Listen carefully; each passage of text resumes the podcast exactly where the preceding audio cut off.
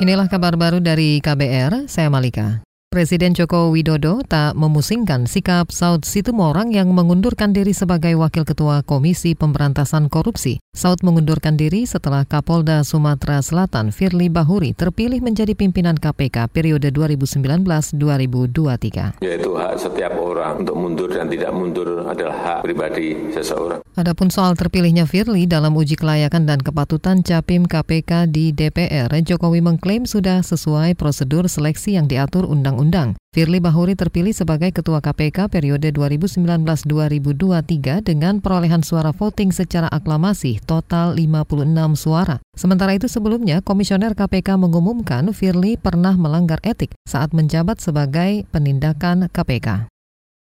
Menteri Sosial Agus Gumiwang menyebut sudah tak ada lagi warga yang mengungsi pasca rusuh di Papua. Agus mengklaim kondisi di Papua sudah relatif aman sehingga pengungsi bisa kembali ke rumahnya masing-masing. Pengungsi sudah pulang ke rumah masing-masing. Jadi sudah tidak ada lagi pengungsi yang selama ini ada di pangkalan-pangkalan TNI Angkatan Laut. Itu tadi Menteri Sosial Agus Gumiwang. Sebelumnya saudara sejumlah warga di Jayapura memilih mengungsi di markas TNI AL di Hamadi, Distrik Jayapura Selatan. Warga mengungsi untuk mencari perlindungan saat situasi di Jayapura memanas akibat gelombang rusuh beberapa pekan lalu. Kerusuhan merupakan buntut dari protes atas tindakan rasisme yang diterima mahasiswa Papua di Surabaya.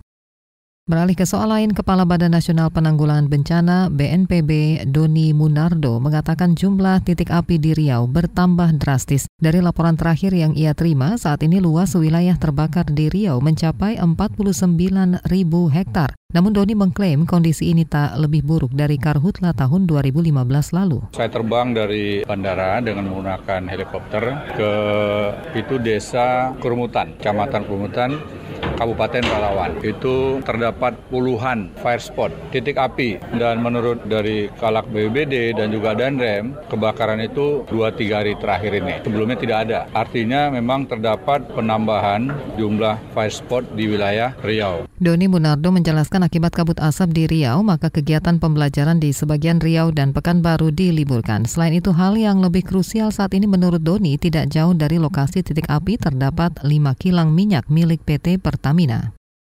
Menteri Perhubungan Budi Karya menyebut sejumlah jadwal penerbangan terdampak kabut asap akibat kebakaran hutan dan lahan di sejumlah wilayah. Budi menyatakan salah satu yang terdampak adalah jadwal di Bandara Internasional Sultan Syarif Kasim II di kota Pekanbaru Riau. Berdasarkan pantauan di bandara, sejumlah maskapai rute Pekanbaru Yogyakarta terpaksa ditunda dari jadwal semula. Kemudian pesawat tujuan Jakarta dan Medan juga mengalami nasib yang sama. Sementara itu, General Manager Bandara Sultan Syarif, Yogi Prasetyo, membenarkan adanya beberapa penerbangan pagi hari yang tertunda, namun otoritas bandara belum memberikan pernyataan lengkap sampai kapan kondisi itu bakal terjadi.